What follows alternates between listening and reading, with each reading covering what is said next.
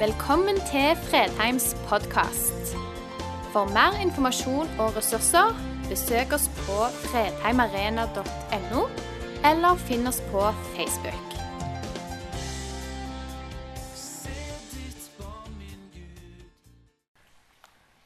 Som jeg sa eh, sist gang jeg talte for tre uker siden, så skal dele av den temaserien vi er i nå, som heter Vekst, skal vi dykke ned i eh, de kristne disiplinene eh, som har fulgt Kirken fra begynnelsen av. Og En av de som nok regnes inn blant der, er ydmykheten. Og Når vi snakker om ydmykhet, så er det ikke fordi vi snakker om det fordi vi fullt og helt opplever at vi har grepet det. Eller jeg står her nå og opplever at jeg er fullt og helt ydmyk men fordi vi opplever at dette er noe vi må snakke om. Fordi det er så viktig i vårt kristne liv. Og ikke bare vårt kristne liv, men som mennesker. Problemet med ydmykhet er at det er ikke så lett lenger å forstå hva ydmykhet betyr. For vi har den ene og andre leder og den ene og andre statsleder som står hevder det ydmyke, men så sitter du egentlig og tenker Fremstår jo egentlig ikke særlig ydmyk ut i det du sier. Så hva er egentlig ydmykhet? For det å være ydmyk det er vel egentlig noe som det er Det er vel egentlig ikke noe man selv kan hevde at man er. For hvis jeg hevder at jeg er ydmyk, men de rundt meg syns at er, du er virkelig ikke ydmyk, så er det jo egentlig de som har riktig, og jeg som har feil. Da har jeg et feil selvbilde i forhold til om jeg er ydmyk eller ikke. Hvorfor snakker vi da om ydmykhet knyttet til disse disiplinene? Hvorfor har det vært så viktig for Kirken opp igjennom? Jo, fordi de opplever at gjennom hele Skriften så ser det ut som det går gjennom noe med at det å forholde seg ydmyk både i forhold til Gud og i forhold til de menneskene vi lever rundt, er viktig.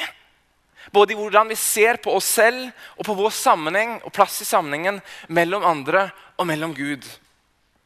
Og så lever vi i en utrolig spennende, klinsj av kulturer. For på den ene siden så er vi i fall Den tradisjonen vi står i, er en luthersk tradisjon eh, hvor ydmykheten kanskje nærmest blitt misforstått òg tidligere. At vi er på en måte ingenting annet enn elend, en elendig synder som ikke kan gjøre noe som helst for seg. Det er absolutt ingenting i meg som er bra. Og Det er på en måte en sånn misforstått del av ydmykheten og misforstått del av egentlig Luther òg, tror. Og så På den andre siden så møter vi nå en kultur da, som tenker helt annerledes om det, om stolthet. I, eh, i Worms i 1521 så sa Luther noe av det han ble mest kjent for av de sitatene. Og Han sa det. Her står jeg. Det var riksdagen i Worms. Her står jeg. Jeg kan ikke gjøre noe annet. Gud hjelp meg. Amen. Det var hans forsvarstale. Og det høres ut som han her han, han kan ingenting. Han er ingenting. Men som vi husker på den situasjonen han sto i Han sto da og talte kirken midt imot. De mest, de mest sentrale lederne egentlig i verden, kanskje. I Europa i hvert fall. Og i kirken midt imot. Og det er jo ikke det at han ikke var ingenting. Men hvis det var han som skulle bli stor, så ville Gud bli liten i det.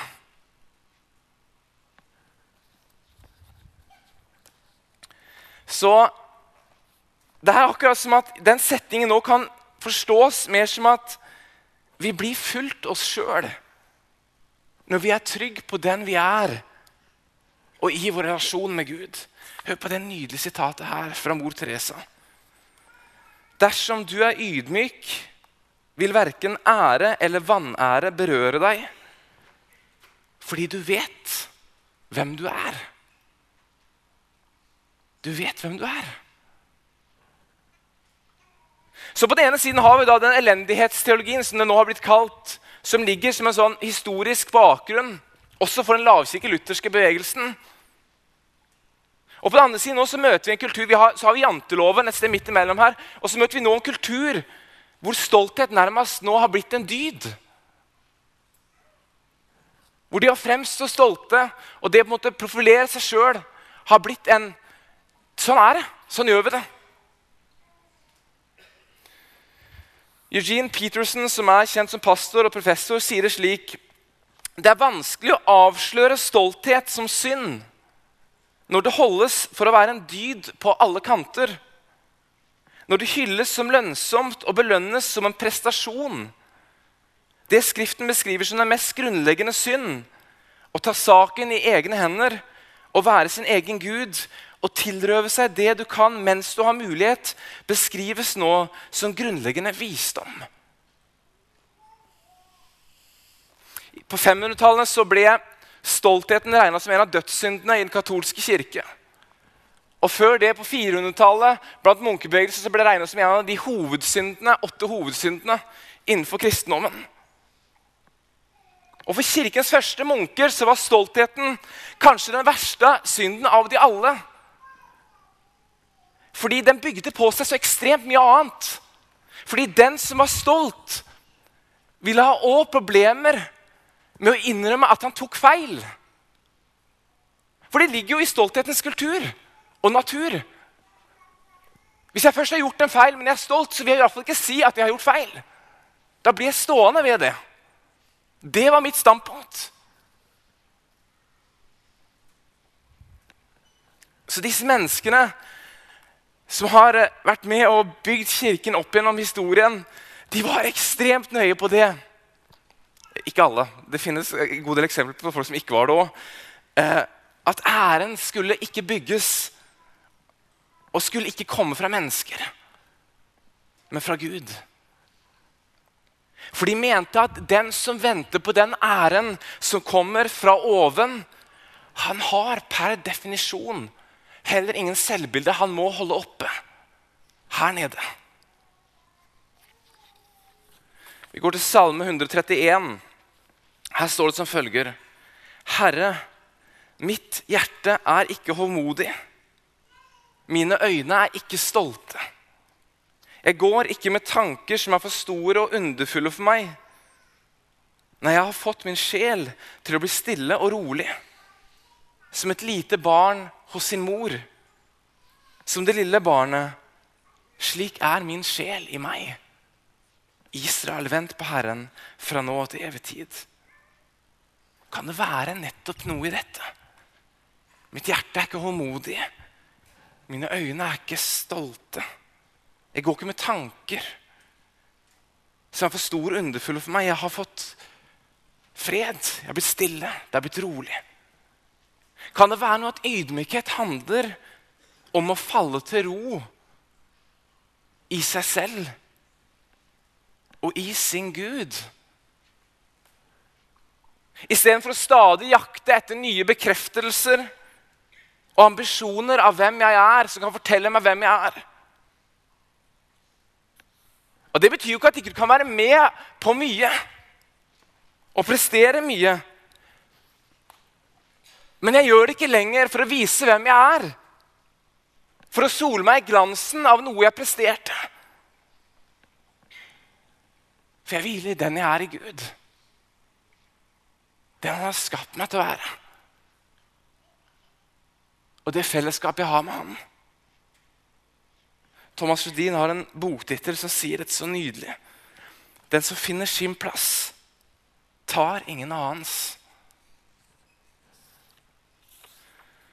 På dette sitatet Jeg er ganske sikker på det er fra eh, den greske kirkefaren den Sant Johannes av Krysostomos på det fjerde århundret. Ydmykhet er når en er klar over mange store ting i seg selv, men likevel ikke dikter opp store ting om seg selv i fantasien. Det handler altså ikke om at jeg er dønn elendig. Det handler om at jeg vet hvem jeg er. Men jeg dikter ikke opp ting i fantasien min på bakgrunn av det. Så jeg er med andre ord ingen dørmatte. Men jeg er heller ikke sentrum i universet. Det er det du som er Gud. Og jeg vil heller hvile i deg enn å blåse opp bilder av meg selv som før eller siden kommer til å sprekke. Jeg har tatt et sitat for det før fra Magnus Malm. som eh, Jeg tar det med igjen, for han skriver litt om ambisjoner. Og så tror jeg han skriver litt om ambisjoner når de kommer fra feil sted. Når ambisjoner blir noe som mer eller mindre vil gå for å skape oss en, en karriere eller hva det måtte være, men vi gjør det kanskje av, på feil grunnlag. Og Han sier som følger, og jeg tenker ingen drøm er for stor. Men kan det være for liten? Hva vil jeg med livet mitt? Hva vil jeg se tilbake på når jeg blir gammel? Thomas Merton gir oss et urovekkende forvarsel. Vi kan bruke hele livet på å klatre oppover karrierestigen. Men når vi er oppe, kan det hende vi oppdager at stigen hviler mot gal vegg. Ingen av oss vil oppleve det. At vi ser tilbake på livet, på mange prestasjoner vi fikk lov å være med på. Men det vi egentlig ser tilbake på, var at vi valgte feil. Ja, vi fikk mye ære. Vi fikk mye honnør. Men det vi mista langs veien, var mer verdt enn det vi fikk. Og Vi ser blant stjerner, høyt profilerte i alle mulige yrker, også i kirken. De sto i spissen for mye. Men selv mistet de kanskje kontakten med barna sine. For eksempel. Hva tror de de ser tilbake på? Alt de presterte. Eller frustrasjon over det de mista langs veien. Vi går til Lukas 18. Til noen som stolte på seg selv, på at de selv var rettferdige, og så ned på alle andre, fortalte Jesus denne lignelsen. To menn gikk opp til tempelet for å be. Den ene var fariseer, og den andre toller. Fariseeren stilte seg opp for seg selv og ba slik.: Gud, jeg takker deg for at jeg ikke er som andre mennesker. De som svindler, gjør urett, bryter ekteskapet. Eller som den tolleren der. Jeg faster to ganger i uken og gi tiende av alt jeg tjener. Tolleren sto langt unna, ville ikke engang løfte blikket til himmelen, men slo seg for brystet og sa, Gud, vær meg synder nådig. Jeg sier dere, Tolleren gikk hjem rettferdig for Gud, den andre ikke. For den som setter seg selv høyt, skal settes lavt. Og den som setter seg selv lavt, skal settes høyt. Så problemet til fariseen ligger jo nettopp det at han, han ber jo til Gud. Men han ser jo egentlig bare på seg selv. Han ber egentlig til seg selv, som i et speil, og takker for alt det han er. Og I samme sleng så peker han på takk fordi at jeg ikke er som han der borte. Jeg har alt på stell her. Takk for at jeg ikke er sånn som han der borte. Og mens han gjør det, så bryter han jo det viktigste budet av de alle. Du skal elske din Gud og elske din neste. Litt lenger bort står da denne tolleren, som ikke engang vil se opp til himmelen, men slår seg fra brystet og sier den ydmyke lille bønnen Gud, vær meg synder nådig. En av de gikk hjem rettferdig. Den andre ikke. For han hadde ikke forstått hva det handla om.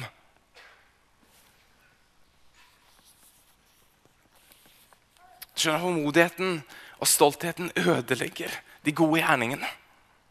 Det tømmer bønnen for innhold. Fjerner oss ifra Gud og fra andre.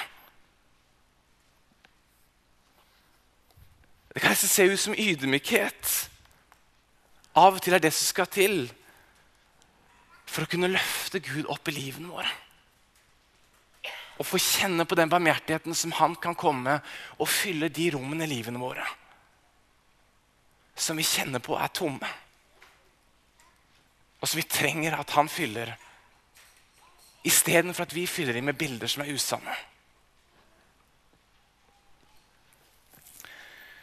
Historien om doktor Faustus har blitt fortalt og gjenfortalt av poeter, dramatikere og forfattere gjennom århundre, som bl.a. av Goethe og Marlow. Men det er like relevant nå som den var da. John Faustus så seg lei av de begrensningene som lå i fagene han studerte. Han studerte juss, medisin og teologi. Og Uansett hvor mye han lærte, endte han alltid opp med at han tjente noe som var større enn seg selv.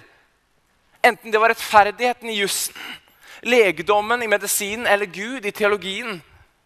Og han var lei av å stå i alle andre sin tjeneste. Han ønsket seg fri. Han ønsket å kunne kontrollere og bryte med de menneskelige og naturlige begrensningene. Så han fordypet seg i trolldomskunster. Så han kunne bryte naturlovene, moralens begrensningene og forholdet til Gud.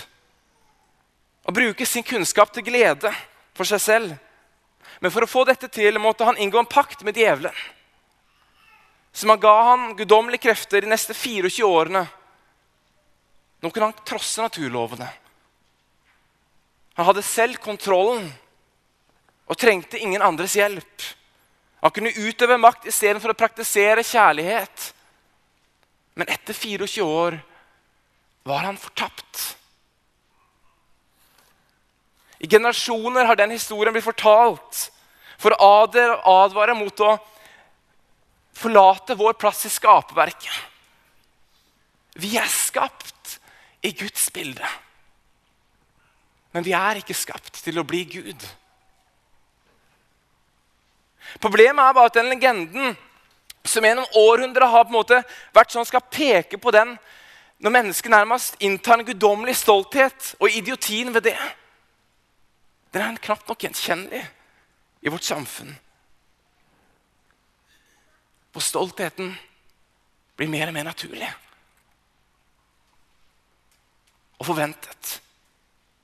Og Imot dette møter vi da uttalelser fra andre som går i fullstendig krasj med oss og vår kultur.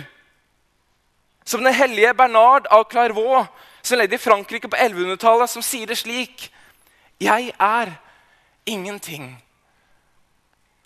men jeg er din.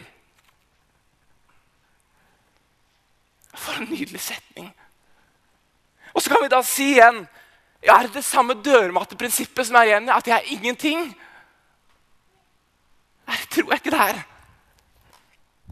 Denne personen, Bernard Clairot, han utviklet seg til å bli en ung mann. Var kjent for sin sjarm, for sin lærdom og for sin veltalenhet. Han hadde fremgang i studiene, så lærerne sjøl beundra han for det han gjorde. Så han visste nok veldig godt om sine gaver og det som har blitt gitt henne. Men alt han var, og alt han hadde, ville han skulle være til Guds ære. Jeg er ingenting, men jeg er din. Det er akkurat som et ekko fra Salme 8. Og salmisten beundrer alt det Gud har skapt. Stjernene, himmelen, alt det store. Og så kommer det til vers 5, og så stiller han spørsmålet Hva er da et menneske? At du husker på det. Et menneskebarn. At du tar deg av det. Og det er akkurat egentlig som måten argumentene er bygd opp på, så er svaret ingenting. Men så kommer vers 6, da. Du satte ham lite lavere enn Gud og kronet ham med herlighet og ære. Wilfred Stinesen sier det slik Å godta og elske seg selv forutsetter også at man aksepterer denne dobbeltheten. Min egen litenhet og den uendelige avstanden mellom meg og Gud.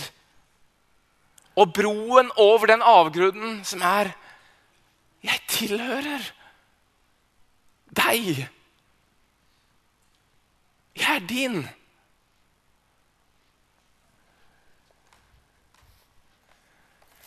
Jeg husker en den nydelige setningen jeg nevnte for i stad. Ydmykhet er når en er klar over mange store ting i seg selv, men likevel ikke dikter opp store ting om seg selv i fantasien. Så det handler på mange måter om et riktig bilde av seg selv overfor Gud og andre. Og det berør dermed ikke bare de som har et oppblåst selvbilde. Men også de av oss som har et for lite selvbilde. Som tenker for lavt om oss sjøl. For noen år tilbake gikk det et TV-program på TV som het Sjøsprøyt. Det var Jarle Andøy som ledet de berserkekspedisjonene. Som hadde med seg en gjeng med ungdommer fra en folkeskole som heter 69 grader nord. Eh, som jeg tror ingen av de har seilt før. sånn jeg husker det. Og så skulle de da trene de opp til å bli seilere, og på slutten av sesongen og året så skulle de ut og seile i de antarktiske farvann, eller arktiske farvann. Samuel Massi var en av de. Samuel Massi var han også som var med Jarl Arnøy på den ekspedisjonen hvor den båten gikk ned, og som nå reiser rundt med bestefar, Samuel bestefar på TV 2. På det tidspunktet her var han en veldig sjenert fyr. Og Jarla Andøy sier til han en av de scenene der Du har mer teknisk innsikt enn noen av de andre her, men jeg trenger at du sier det til meg. Jeg trenger at du ser hva du har, og hvilken gaver du har blitt gitt. Så husker jeg svaret til Samuel. Jeg liker ikke å skryte av meg selv. Men det å innse hva jeg har, og hva jeg er blitt gitt, er ikke det samme som å skryte av meg selv. Det er til å falle ro med den jeg er, og de gavene jeg har blitt gitt. Er det noe jeg har slitt med tidlig i livet, så tror jeg kanskje det har vært det. Tidligere trodde jeg at jeg måtte være ingenting for å havne riktig i forhold til Gud. Men da bommer jeg jo på målet. Salme 8 viste jo oss det. Gud har ikke skapt meg og deg til å være ingenting. Han har satt oss like under Gud. Han har store planer for oss. Og han har utrustet oss på spesielle måter. Men han har også skapt oss i sitt bilde. Til å tilhøre ham. I 2. Korinterbrev 12,9 står det Min nåde er nok for deg, for kraften fullendes i svakhet. Derfor vil jeg helst være stolt av mine svakheter, for at Kristi kraft kan ta bolig i meg. Igjen dette med svakheten. Og erkjenne det i livet sitt. Slik at Gud kan få til plass. Og at ikke jeg tar den plassen som han potensielt kan ha i livet mitt. I vår egen svakhet er det rom for at Gud kan bli stor. Men hvis vi heller viser fram vår storhet, så er faren for at Gud blir usynlig. Og det vi viser fram, blir noe pompøst. Folkens, dette gjelder ikke bare kirke og menighet. Dette gjelder jo alt. Folk liker generelt bedre folk som er ydmyke. Og ikke minst ledere som er ydmyke. Fordi de ydmyke ledere gjør folk rundt seg bedre. I boken 'From Good to Great' så skriver eh, eh skal vi kalle han da, forsker, forfatter Han er en lederguru og en lederskapsguru. Jim Collins. Han leter etter X-faktoren til de beste lederne i Amerika. For de beste firmaene i Amerika. Hva er det disse lederne har som de andre mangler? Og Da studerer de da bedrifter som har gått fra å være middels bra, men som plutselig har blitt eksepsjonelt bra. Så prøver de å finne ut hva er det hos disse lederne til de bedriftene som skiller seg ut fra de som blir bra, men ikke eksepsjonelt bra. Og så sier de det at han eh, Når de studerte det, så fant de ut at de kan nærmest dele det inn i fem forskjellige nivåer hvor de sier at leder nummer én på nivå nummer én er den som er gode med individuelle evner. Bedriftene på nivå to er tillegg ledere som har gode evner til teamarbeid. Bedriftene på nivå tre har, har lederne i tillegg gode evner til å administrere og styre. Bedriftene på nivå nummer fire har lederen i tillegg gode lederegenskaper så hva var det da som skilte ut? Det han kaller nivå 5-ledere og nivå 5-bedrifter. Hva er det de har som de andre mangler? De som gjør det eksepsjonelt bra. Ledere på nivå 5-nivå var ydmyke. Så Forskningen viser altså at X-faktoren for disse firmaene som gjorde det fenomenalt bra, var at de hadde ydmyke ledere på toppen. Men de hadde også alt det andre. Ambisjonene, energiene. De ville aldri stå, stoppe opp. Men for fireren handla alltid dette. Drivkraften, ambisjonen, energien, kreftene om seg selv. Hva de fikk ut av det. Hva de tjente, hvordan de fikk det til. Men for de lederne på nivå fem så var det akkurat samme energi, akkurat samme ambisjoner, akkurat samme drivkraft, men det var alltid rettet utover. Til en sak, til en hensikt, til en firma, til en kultur. Til noe de var fullstendig overgitt til. Inn i noe som var større enn dem selv. Og det gir også andre rundt dem muligheter til å vokse opp. For de er jo ikke sentrum, da. Og Hvis ikke jeg er sentrum, så betyr det at jeg trenger ikke å beskytte meg sjøl. Da tåler jeg at det vokser opp en ved siden av meg som blir langt bedre enn det jeg er. Så den som er ydmyk, løfter ikke opp bare Gud, sånn som tolleren gjorde. Men han løfter opp menneskene rundt seg. Så disse lederne var hengitt og ambisiøse, men for noe annet enn seg selv. Noe som var større enn seg selv. Og for oss kristne er det akkurat det samme. Vårt midtpunkt er Gud. Ydmykheten handler i stor grad om å finne min plass i forhold til Gud og i forhold til de rundt meg. Jeg ikke står i veien. Så det er totalt annerledes enn det det var med Faustus. Han jeg fortalte om, som ikke ville ha noen over seg. Disse ledere, lederne og vi er alltid hengitt til noe større. Det er også grunnen til at jeg kalte denne talen for ydmykhet og hengivelse. For i ydmykheten i kirken så ligger alltid en annen grunn. Hengivelsen til Gud. Til noe større. Fordi jeg er hengitt til deg, Gud. Så gjør det noe med min plass. Hvordan jeg forholder meg til deg, og hvordan jeg forholder meg til de rundt meg.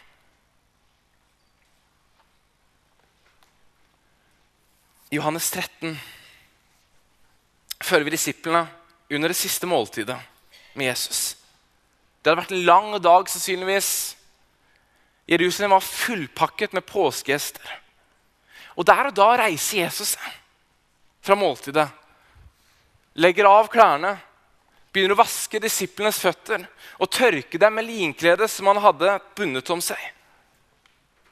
På den tiden her var det vanlig at det var den tjeneren med den laveste rangen som var den som satte seg ned med vaskefatet og begynte å vaske føttene til den andre.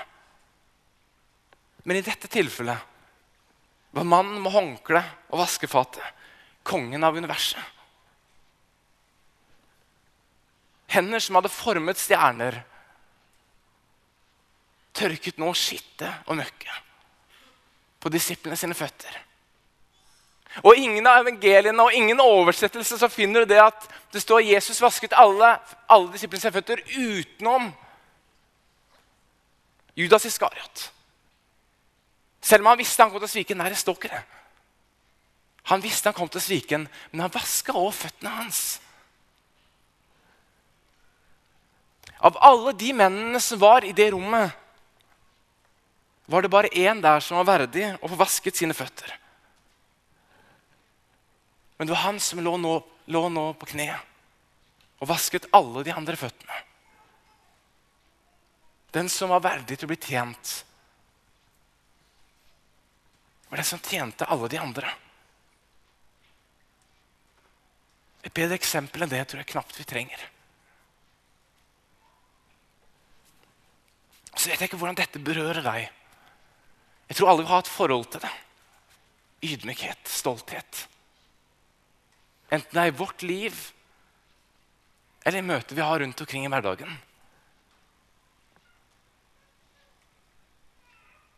Kanskje handler ydmykhet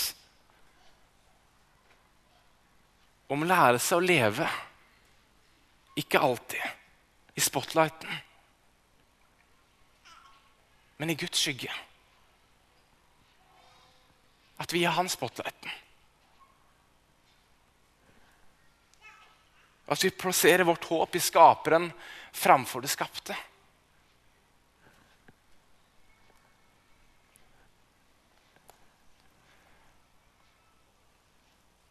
Også det at vi får lov å tilhøre Han.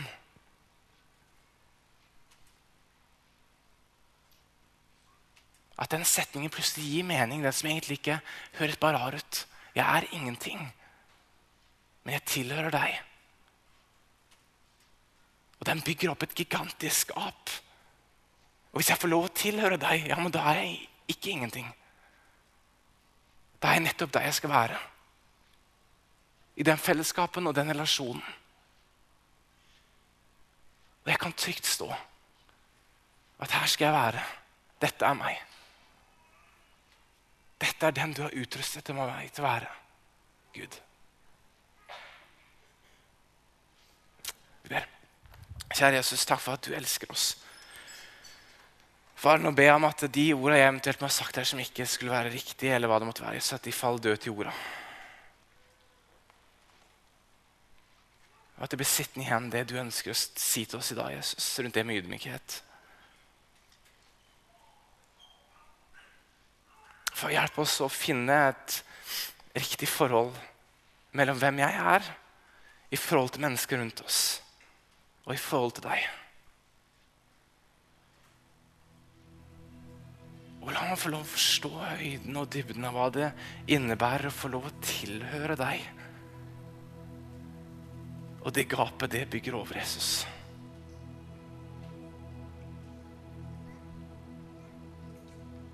Takk for de elsker oss, er med oss. Og du alltid vil det beste for oss, Jesus. Amen.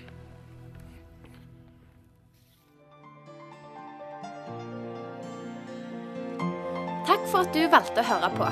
Nye opptak legges ut hver uke. Vi har gudstjenester hver helg, og du er hjertelig velkommen.